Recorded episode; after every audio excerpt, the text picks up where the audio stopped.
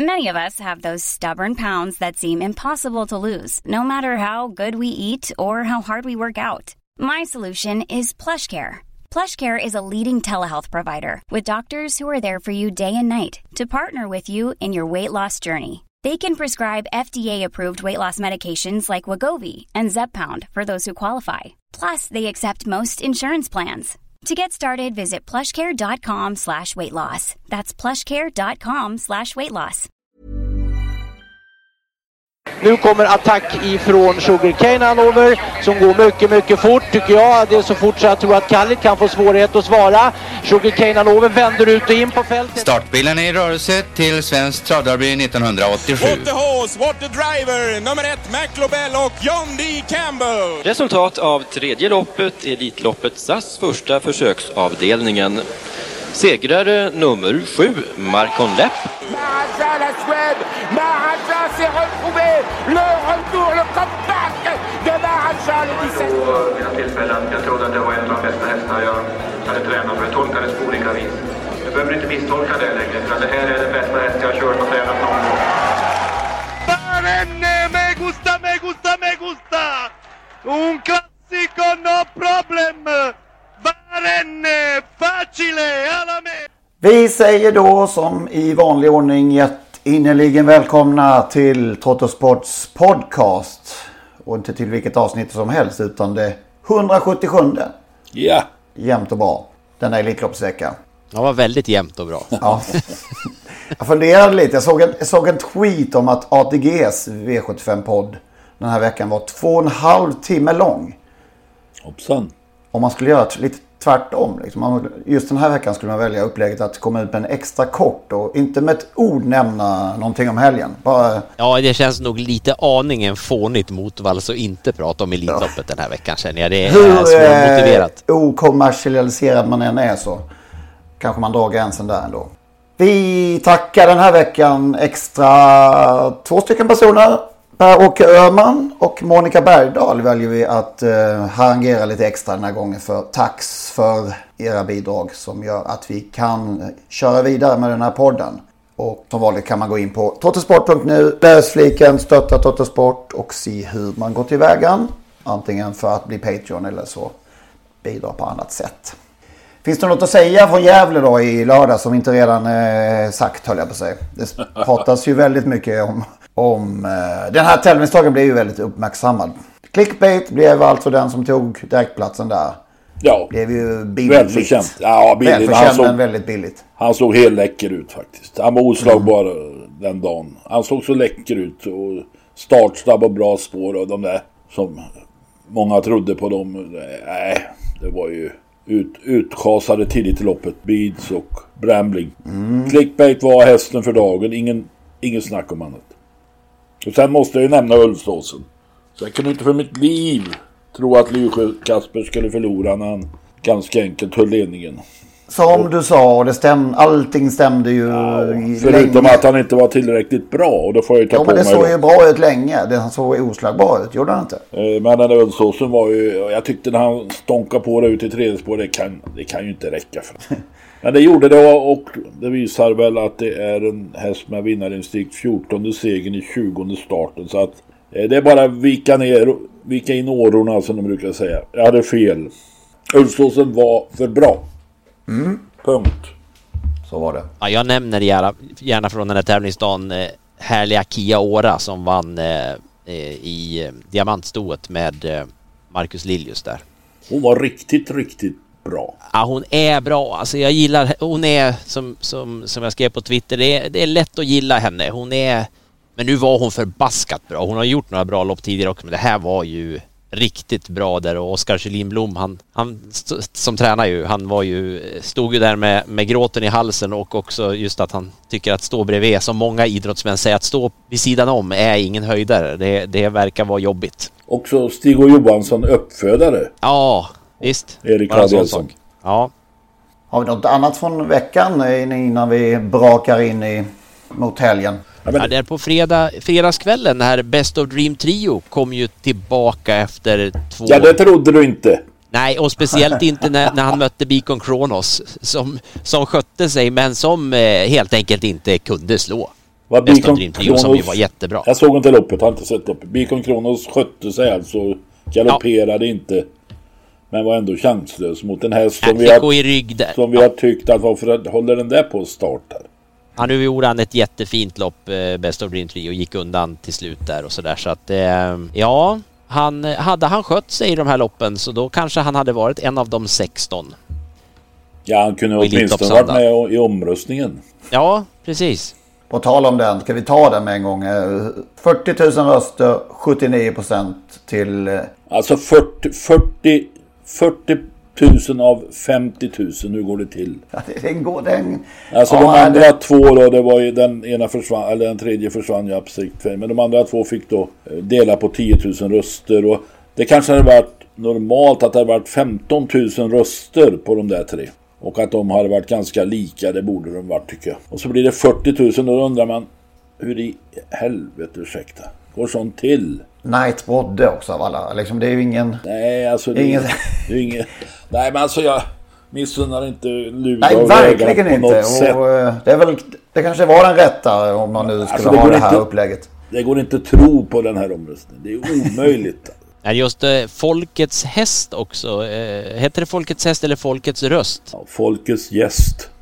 Ja, nej, det är bara det att, att, att folket får vara med och rösta om, om den, som vi då menar då, den femtonde platsen in. Det blir ju...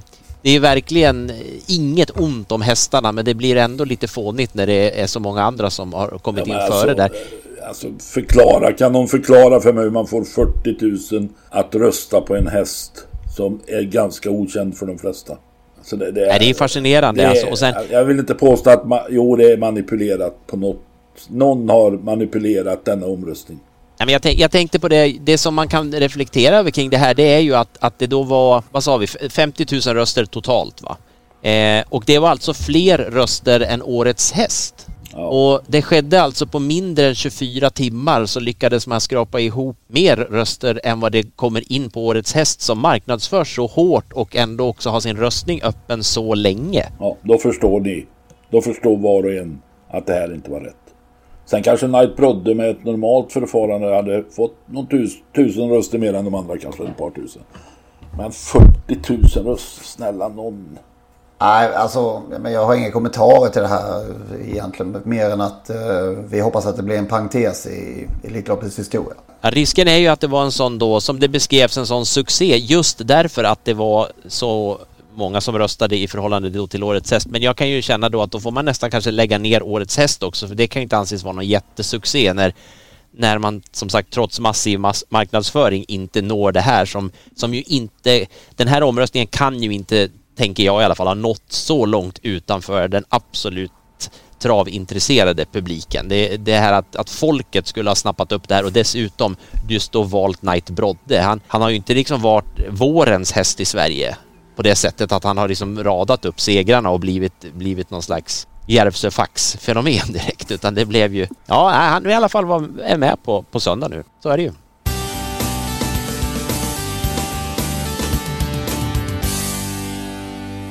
Tänkte vi skulle börja och parka igång Elitloppssnacket med det här klippet. Ett Artsvänners ledare, men här kommer de. Fyra Jarra Boko, längre ut i banan två Rapid Libell. Två Rapid Libell, månne på väg att koppla greppet, så kommer åtta Brioni längre ut i banan. Två Rapid Libell, åtta Brioni närmar sig och där åtta Brioni, men det har till mål! Före fyra Resolve, ett Nancy och par längder bakom. Strax vid upploppets början. Invändigt Timoko! Fem Timoko, lucka finns till de övriga. Fem Timoko före Resolve. Provpunchen längst ut i banan. Vad är det som händer? Tioårige Timoko vinner Elitloppet! Timoko! Fem Dijon med Mark letar lucka. Är just nu andra och Brian Dyrjelsen mitt ut i banan. Fem Dijon med knappa hundringen till mål. Ett och Brian Dyrjels närmar sig i den sista biten in mot mål. Dijon och Brian Dyrjels Dijon! Ja, varför har vi nu eh, bakat in de här tre vinnarna i ett och samma ljudspår? Faktum är att det är ju tre stycken jätteskrällar. Om man, I sammanhanget får man väl säga det i alla fall. genom åren. Och att alla de här kommer, det är de tre största överraskningarna i Elitloppets historia. Som alla har kommit efter 2011 då och framåt. Det är lite märkligt att det är på det sättet. Ja, det är totalt sett under alla år som Elitloppet har kört så är det bara fem gånger vinnaren i finalen har gett över tio gånger och då är det som du sa nyss, de här tre skrällarna då är, är ju tre av dem naturligtvis och det har skett bara inom dem, ja, från 2011 och framåt. Och det är alltså som ni hörde Brioni, Timo K och eh, Dijon som, ja, som alla hörde Patrik Nilsson räffa in här. Vad beror detta på då? Jag har tre alternativ som ni skulle kunna välja på. Tre te eventuella teorier till det hela. Får vi se om ni... ska, vi, ska vi rösta alltså? Är ja, ja, exakt. Jag har tagit fram eh, tre stycken 07, eh, vad heter det, 0771 nummer också. Henrik spelkassa till, ja, till ja. alla. Ja. Nej men ett, att det är jämnare, är det jämnare upplagor som gör det. Jämnare hästar nu jämfört med tidigare. Två, att de riktiga storstjärnorna inte sällan uteblir. Tre, att det blir hårdare och hårdare för varje år med att gå två hit. Vilket ju kan slå åt olika håll för hästarna. Ja, möjligen det sista det såg vi ju då eh, när, eh, vad hette han nu då som var jättefavorit? Bold Eagle. Bold Eagle där. Just när Timo K vann. När alltså den upphåsningen var formidabel inför Elitloppet och efter försöket och han Bold Eagle tog väl hela världen med storm. Men han klarade inte två hit. Eh, varför vet man ju inte. Han var ju stressad och lite hissig som de brukar säga. Det kan vara ett, ett skäl. Eller det kanske är det starkaste skälet. Eh, jag vet inte. Dijonloppet blev ju också märkligt upp och det försvann väl Ridley Express innan start eller var det? Just det, det var det året ja. Eh, men det skulle ju då i så fall sänka oddset på Dijon. Eh, ja. ja, jag tror på det sista. Att det är tuffare och tuffare att gå två hit. Magnus, har någon? Ja, jag, jag vet, jag har inte heller det. Det är ju... Det kan naturligtvis vara slumpen också. Det är världens tråkigaste, men det hade du inte som alternativ. Så jag lutar nog också mot Lennart där. Jag funderade också på det där. Men jag, jag, jag hamnar nog där. Jag tycker du hade hittat tre bra alternativ i alla fall. Det gjorde det svårt att rösta. Jag skulle nog vilja ringa tre gånger här. ja, men det har du 79, 70, jag tror 79 procent ungefär hade tagit ett alternativ. Ja, får man rösta hur många gånger man vill? Ja, absolut. absolut. Vad säger du själv? Jag vet inte. Ändå har du, alltså ändå har du... Krystat fram. den som har ställt upp alternativen och du vet inte. Nej, men det, de kom väl ändå oftare förr. Eh, Moneymaker hade ju inte kommit eh, år 2022. Eller? Nej. Hon är för gammal menar du då? Död kanske? Nej, hon lever. Nej. Men eh, jag håller med dig där lite. De kommer och varför kommer de inte? Tristan alltså, Bourbon eh, kommer ju inte. Nej, och i år så är det, har man ökat till 5 miljoner i första pris. Finns det någon av dessa 16 som inte hade kommit om det har varit den gamla prissumman? Nej. Nej, det har man svårt att tro. Jag tror, det är, jag tror att man måste höja första priset till 20 miljoner om, om det överhuvudtaget ska spela någon roll. Alltså att att prissumman skulle spela någon roll. Jag kanske tar i lite där då, naturligtvis gör jag det, men det finns så mycket pengar i annat i travsporten idag. Titta på Calgary Games till exempel. Han behöver inte vara med i något Elitlopp. Han kan ju hålla på med avel och, och göra sina ägare till, eller på säga inte miljardärer, men snudd på i alla fall. Och det är ju ett ganska tufft lopp. Det har vi nyss konstaterat Elitloppet ändå. Det är inte så att de... de eh, Ja, då har vi ju ett exempel till på en häst som inte vill vara med. Calgary Games till exempel. Då. Att det... Man kan ju ställa sig frågan om man, om man nu fick ha en egen omröstning på säga, men eh, vilka saknar vi i det här loppet? Du har ju redan nämnt Calgary Games då. Och de som var möjliga att få hit, vilka saknar vi? Ja, det, är väl, det är väl främst Åke Svanstedts eh, bästa häst, Ecurydé. Mm. Ja, det hade det varit ju, en, en fantastisk krydda. Ja, när man såg hur han såg ut här nu i, i, i helgen som gick här, det är ju, då påmindes man ju igen om Ecurydé. Man, det är så lätt när de flyttar över till USA hästarna att man tappar dem ju lite. Men, men den hästen är de ju uppenbart rädda om. Det finns mycket pengar att, att tävla om i USA så att... Ja, det är ju... Då är vi där igen. Man skulle ju vilja att man att alla ville vinna Elitloppet till vilket pris som helst nästan. Det är så man skulle vilja ha det. Men det, det, den tiden är förbi. Man ser här nu, tittar man i Frankrike, Davidson DuPont, Gaeus. Eh, hade jag gärna sett framförallt den vackre Gaeus. Och vi får Etonant som enda franska deltagare. Alltså världens, eller i alla fall Europas, ja, världens största travland. Och vi får Etonant som enda franska deltagare. Är inte det lite märkligt? De, alltså de, det spelar ingen roll med prispengar uppenbart. Elitloppet har de struket ur sin kalender, många av de här. Och framförallt Jean-Michel Basir då, som vägrar. Ja, du, I din kontakt med, med franska tränare och, och kuskar på din tid, höll jag på att säga. Vad hade de för, inst ja, men vad hade de för inställning till... På min på, på... tid, det var jävligt... vad ska du ha? Ja, nej men du förstår ja, vad jag menar. Tid jag var, jag, var, jag var inte någon som hade kontakt med... Um, ja, men de gamla stortränarna ville ju åka hit. Som René Gauchon, Henri Levesque, Eugène Lefebvre. Paul Delanoë, Leopold Ferrocken som vann två gånger och så vidare. Vi kan hålla på hur länge som helst. De ville, Michel Marcel Gauchon, de ville verkligen åka hit och vinna Elitloppet. Jean-Marie. Det var dit jag ville komma men ja, jag, klantade till, dit. jag klantade till mig. Ja. De ville verkligen, alltså för dem var Elitloppet oerhört stort att vinna Charlie Mills. Även om han inte var fransman från början och så vidare. Idag struntar de uppenbart i det. Jag vet inte, hade vi bättre, hade svensk travsport Solvalla bättre kontakter med franska stortränare förr? Eller är det bara så att, nej, de rycker på axlarna åt oss. Tack. Det är likadant i, i ja, hela helgen nu med, med, i ramloppen. Det är ont om franska hästar och gäster ju.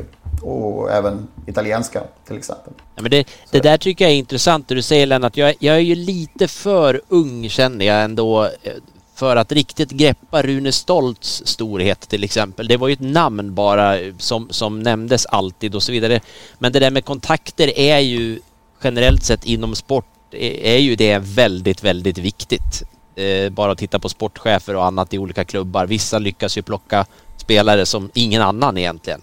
Och det kanske inte är en... Eh, Nej men han hade ju så... en unik position. Och unika ja. kontakter. Alltså det är ju omöjligt för eh, sportchefer efter honom att upprätthålla samma kontakt. Nu är det Malmrot.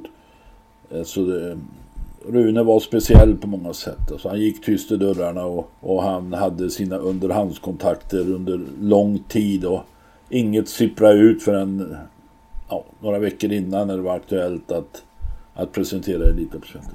Men nu är det som sagt eh, ändå två hit som är lottade. Ska vi ta oss igenom dem i alla fall och värdera våra två fält om vilka som tar sig till finalen. Det var ju intressant lottning här med, med i, i, hade det varit Italien så hade vi kallat den för italiensk lottning i Heat Blue är det va? Fem flaggor i topp där, svenska.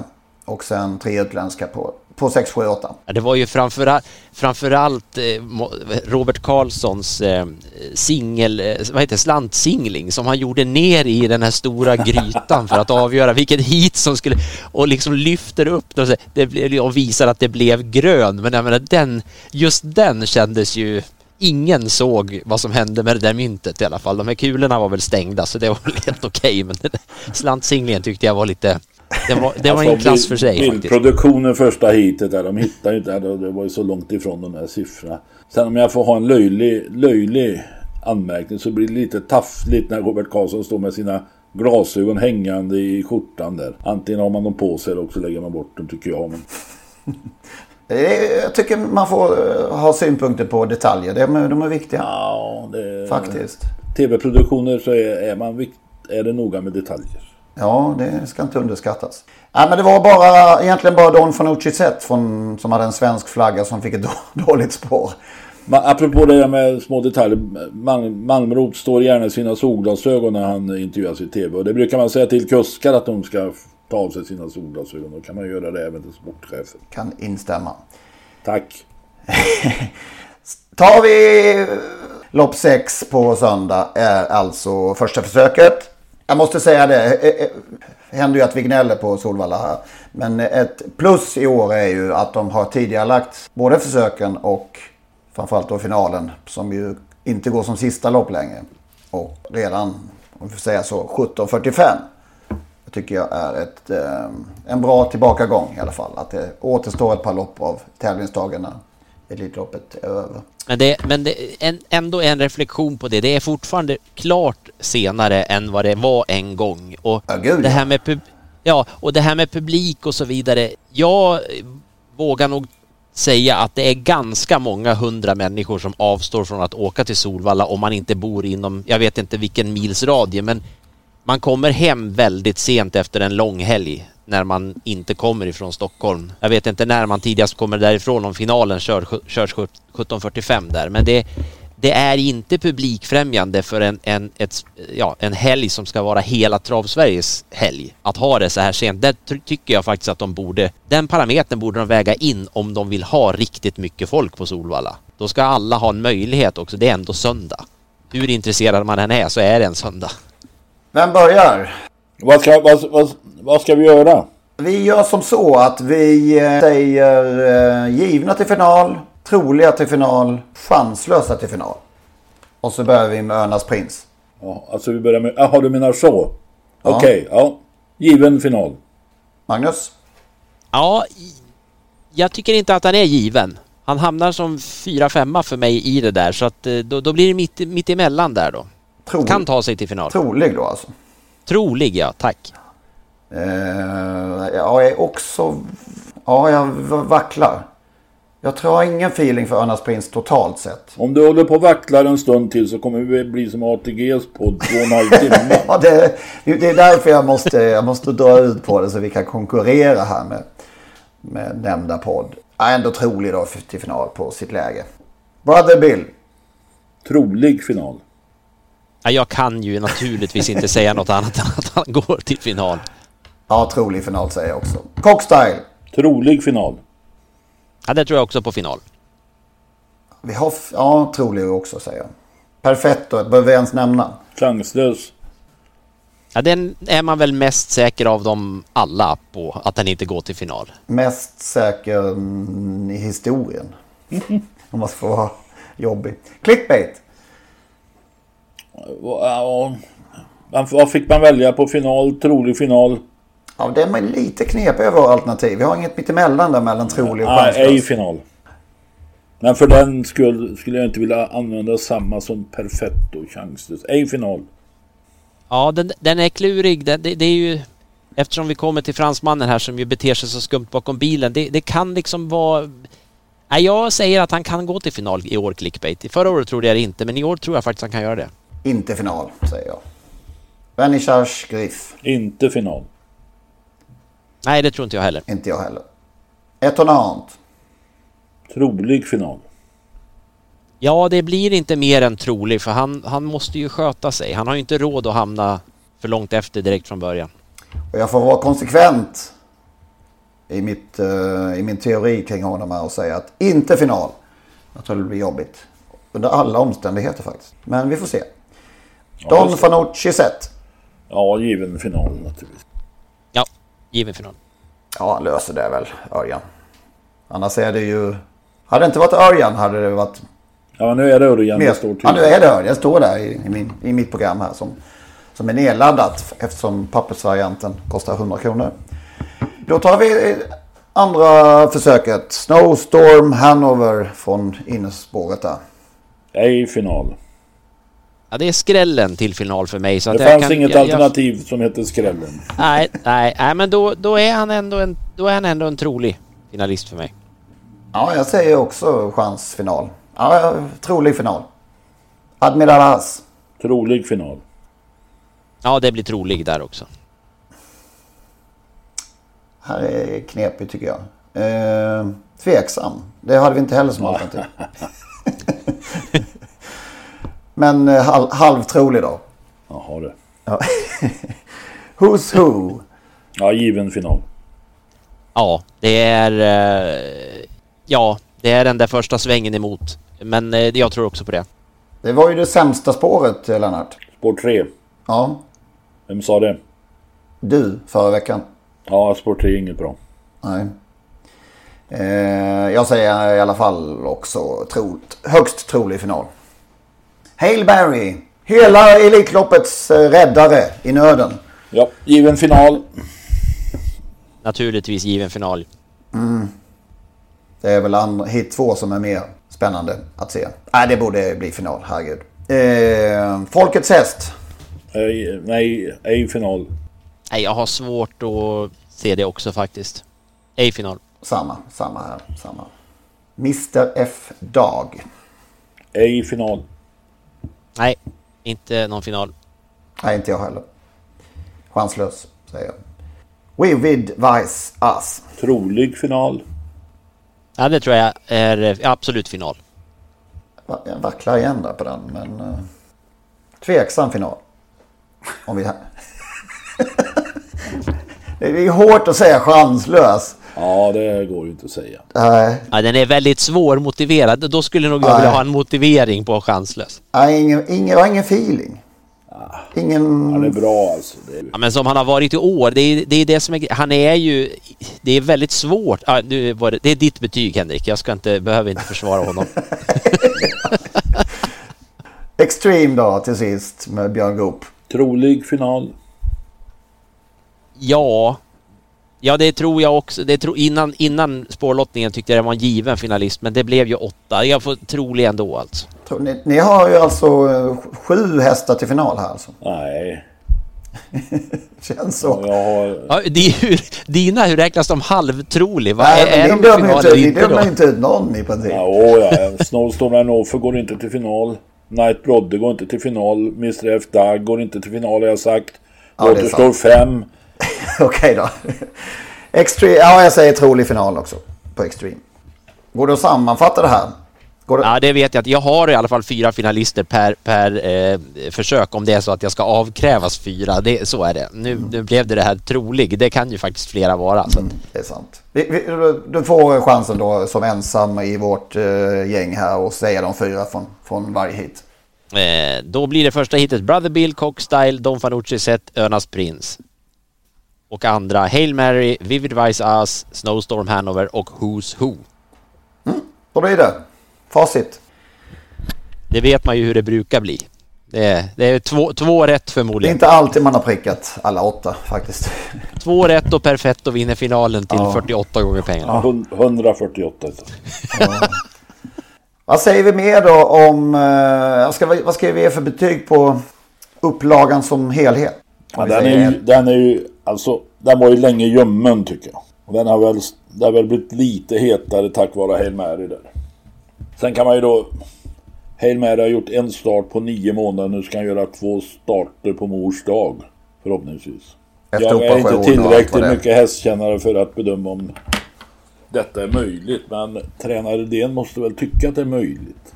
I alla fall ägaren tycker att det är möjligt. Ägaren. Ja, frågan är ju då om han hade troligen, en gissning såklart, men han hade nog inte startat om inte ägaren så mycket hade velat. Sen, sen eh, är det säkert så att Daniel Redén bedömer att det är ingen katastrof att han startar om, man, om du förstår vad jag menar. Eh, men nog hade han stått över om, om inte ägaren hade haft det starka önskemålet. Vi glömde en sak på saknade hästar. Redén har ju en som man Mm. Ja, kan gud ja. Den har vi ju, ja visst. Francesco Zetto som sagt. Men han vinner ju nästa år. Ja. Eh, ja, vi kom aldrig fram till något betyg. Helhetsbetyg. Ja, halvljummet, lite hetare. Jag Tre, vet inte tre och en halv. Vad, vad, man, vad är betygsskalan 1 till 5? Men vi säger väl 1 till 5 då. 3,5 då. Hur, hur sä- hur sätter du in det i historiskt, eh, Magnus? Nej, jag tycker, jag tycker det är för mycket svenska hästar med. Eh, jag är glad att många av de här är med i Elitloppet ut någon slags eget eh, egoperspektiv möjligen, men rent allmänt, det är för mycket svenska hästar med i loppet. Det, jag vill att det ska vara mer internationellt. Och sen har jag suttit och skällt då på Perfetto, så det, det blir ju fel. Men alltså det ska naturligtvis vara bra internationella hästar då.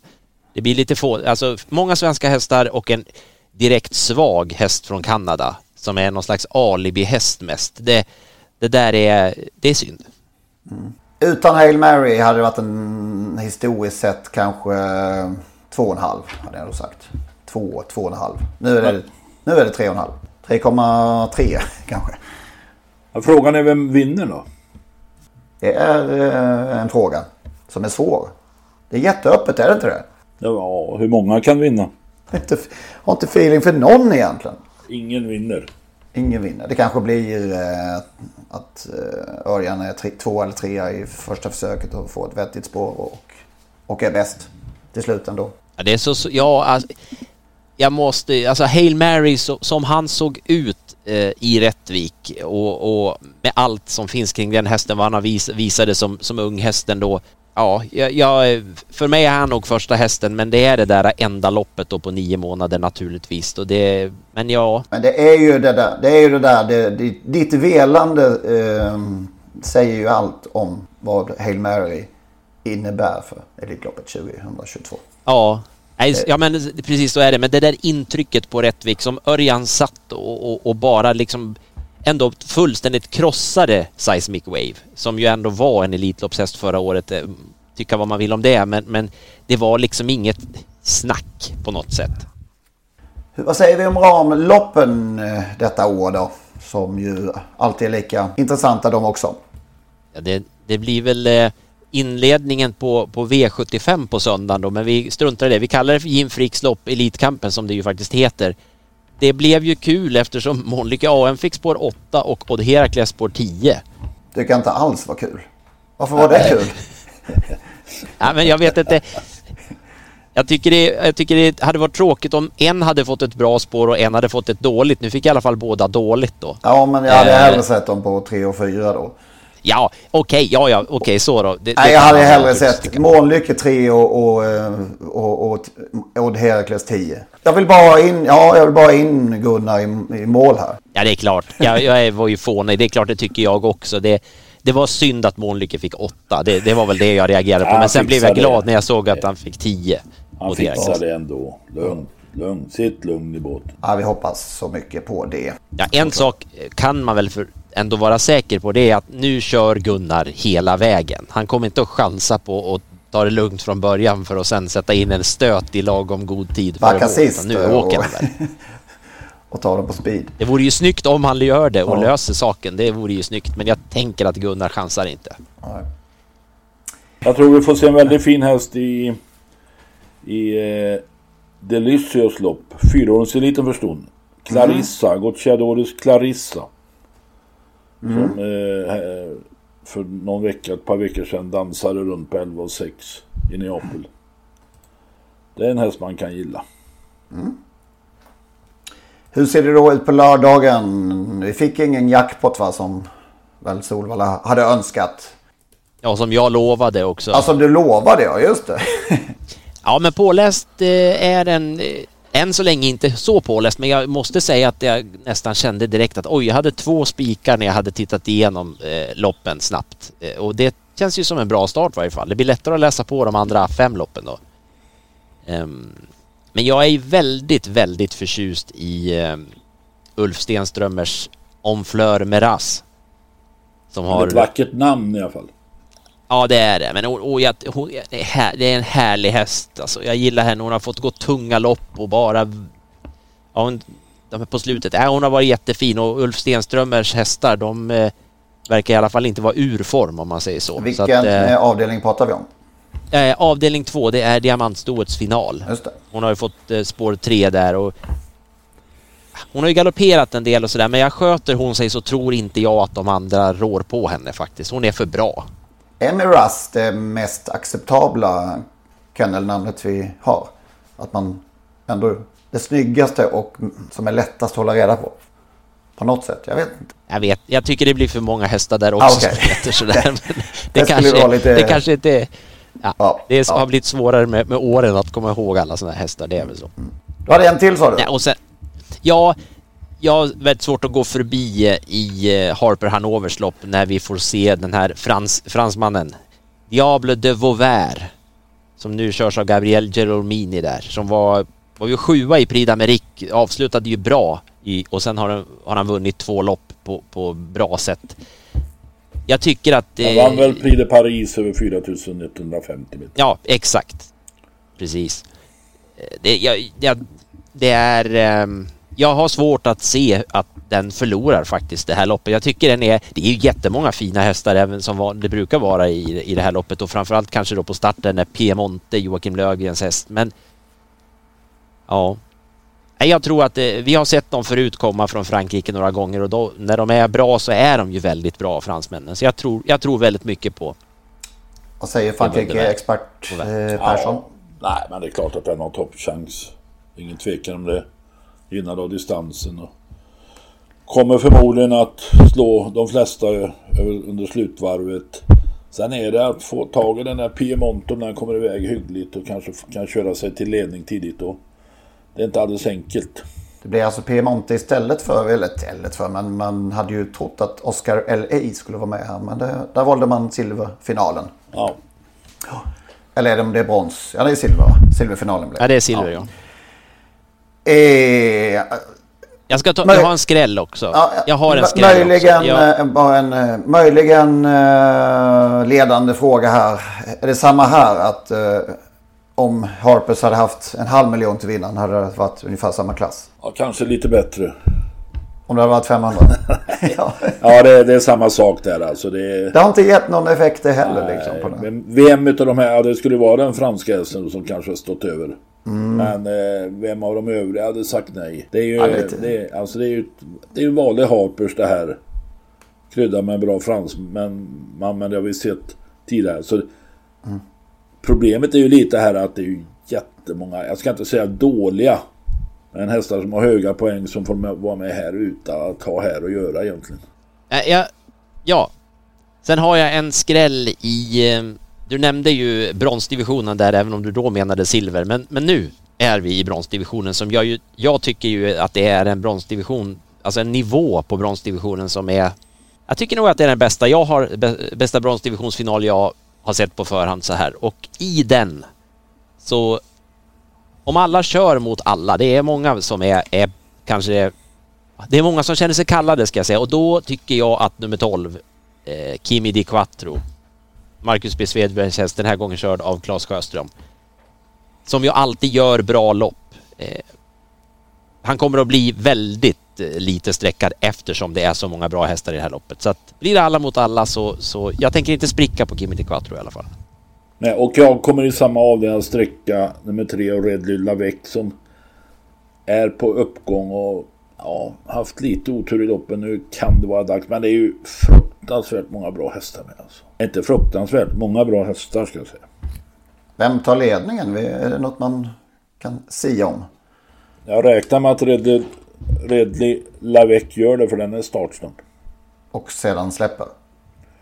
Det räknar jag inte med. Nej, okej. Jag tror, det, jag tror det blir svårt för någon. eh, Jag är lite osäker. Ja, men vad heter det? Gocciadoros var väl inte så snabb. Men den här From Heaven Insa- Izzarda är ju väldigt snabb. Så jag undrar om inte det är ledaren. Men Ja, den släpper väl i så Först fall. fram kanske. Jag tror, ja, jag tror inte den. Jag tror inte ens han laddar från start. nej, så kan det vara. Jag sa ju förresten fel. Jag sa två spikar. Jag menade ju tre. Ja. Jag glömde ju den jag kanske tycker är mest klar av dem alla. Och det är ju i klass 2-finalen V75 4 där eh, Luke Schermer som vann eh, på ett imponerande sätt under Copenhagen Cup-dagen.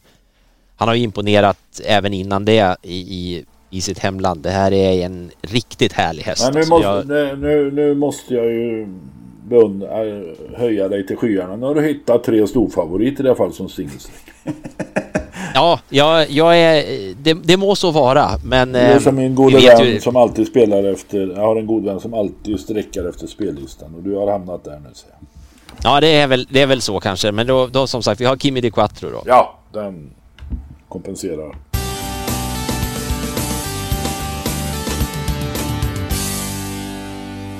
Och i veckan kom ju då eh, nyheten om att vi har ett nytt spelbolag i eh, samarbete med S Svensk Travsport på gång. Unibet kliver in i handlingen ordentligt. Vad säger vi spontant om det? Ja, det är väl i, i första läget i alla fall ett uni, det, det unika i det är väl att det är det första avtalet som då Svensk Travsport skriver med ett spelbolag överhuvudtaget. Ehm, efter att i, i, tidigare i travhistorien kallat de här bolagen för parasiter och, och allt vad, vad det har varit så, så är det tydligen dags nu då att sluta med det och tvärtom egentligen ja, lyfta fram de här bolagen som, som någonting som faktiskt kan hjälpa svensk travsport. Så det är ju ett, ett, ett, eh, ett ganska stort skifte i alla fall. Och sen är det ju inte heller vilken aktör som helst som, som blir den första. Det, det är ju ett bolag med väldigt mycket muskler, eh, betydligt större än vad ATG är och som jag ser det så här är det här någonting som, kommer, som jag tror vi kommer att minnas eh, som en, en, en någon slags vändpunkt ändå. Eh, det har ju varit utmanare tidigare också i, i det här med, med spelbolag men aldrig, aldrig något bolag som har kommit med ett så starkt eh, rykte, ett så starkt varumärke ska jag säga, som Unibet är.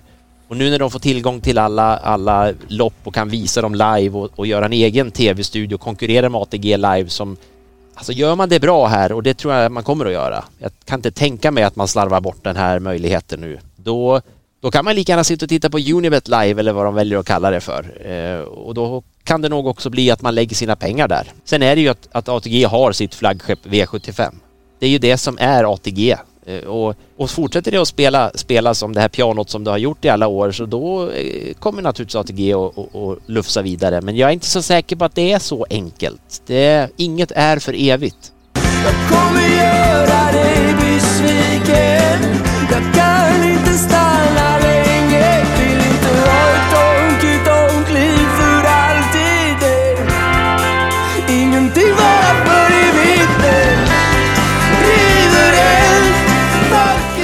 har vi sett på så många fronter. Jag tror att det här kommer att få betydelse för, för svensk travsport och även för ATG på sikt. Två reflektioner bara. Men ett är ju att det har visat sig vara väldigt svårt att konkurrera på poolspelen. Liksom.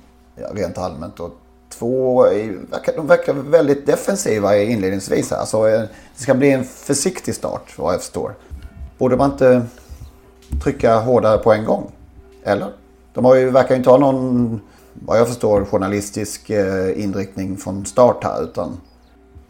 Just då är ju konkurrensen också väldigt, väldigt stor. Det kanske, inte eh, är, det kanske är ett taktiskt bra drag att inte blåsa på när, när även konkurrenten ATG och, och TV4 och allt vad de heter eh, blåser på det största de gör också.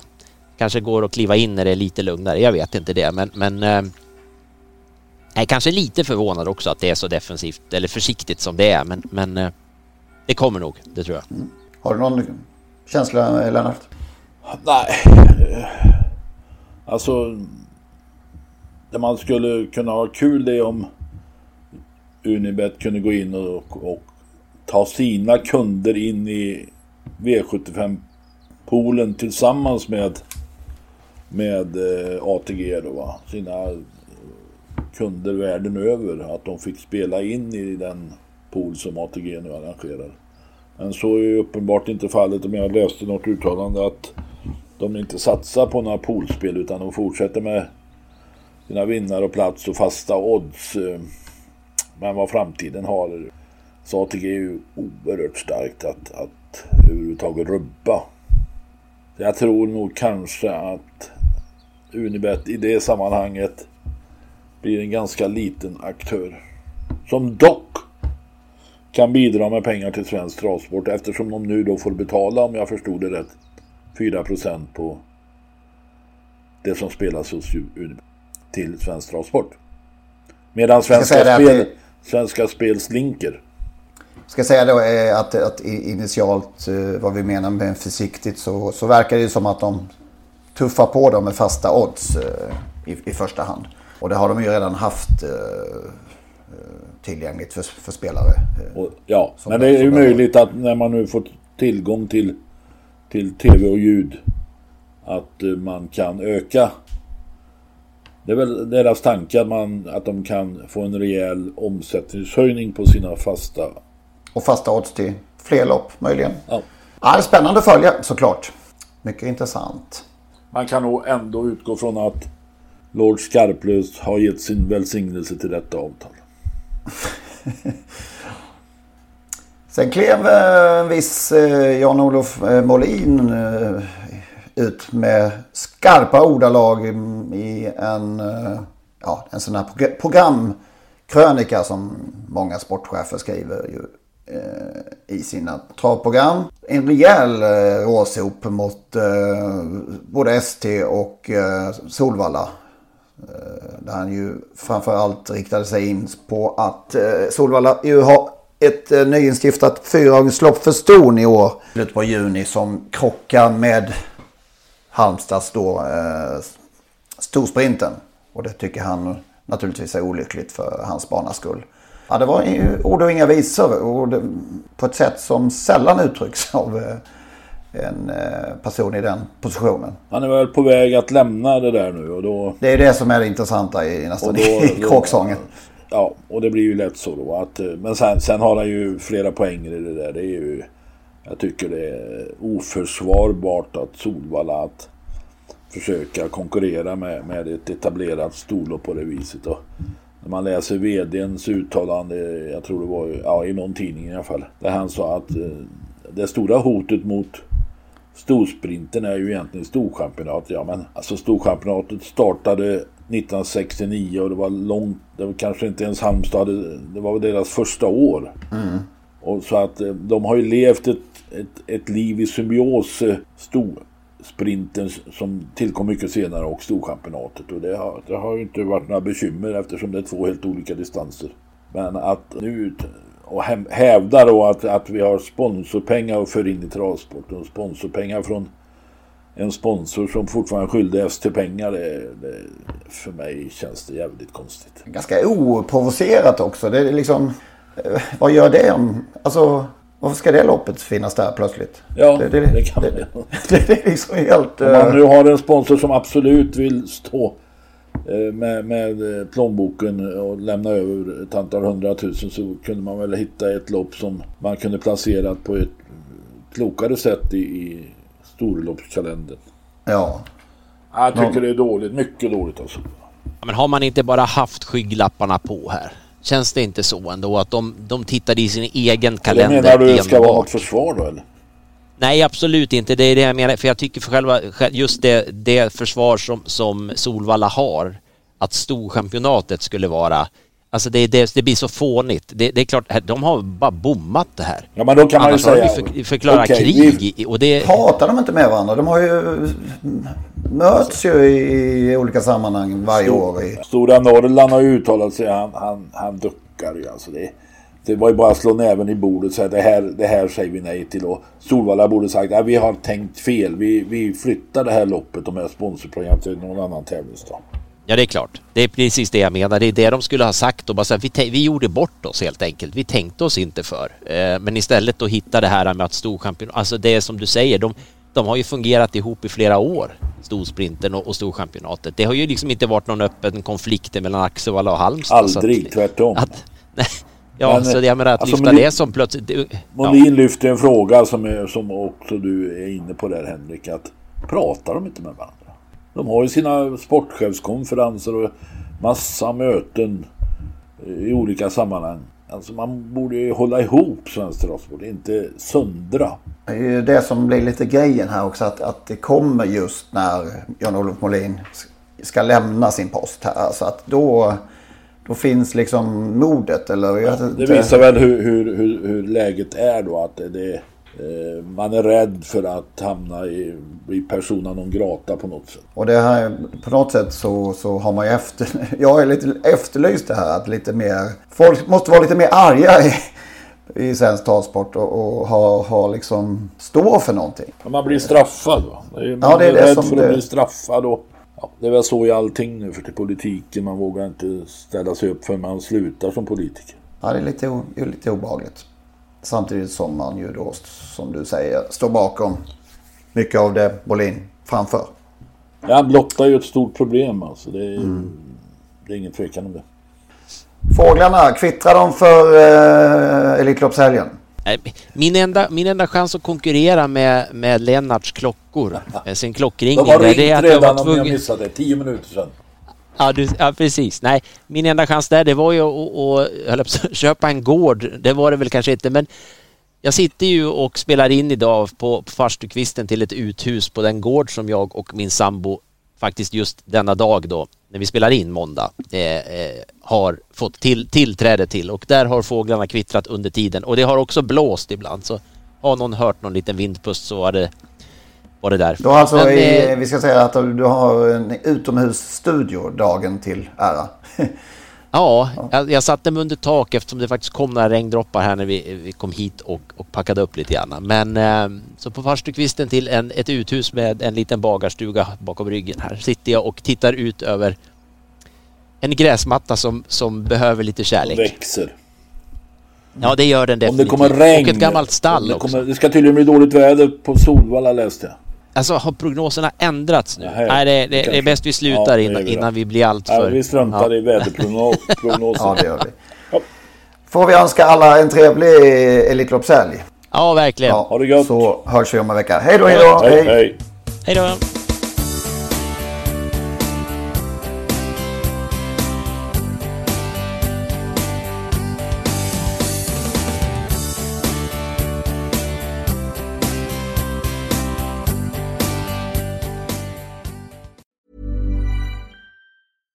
Hey, it's Paige DeSorbo from Giggly Squad. High quality fashion without the price tag. Say hello to Quince. I'm snagging high-end essentials like cozy cashmere sweaters, sleek leather jackets, fine jewelry, and so much more. With Quince being 50 to 80% less than similar brands. And they partner with factories that prioritize safe, ethical, and responsible manufacturing. I love that. Luxury quality within reach. Go to quince.com slash style to get free shipping and 365 day returns on your next order. Quince.com slash style.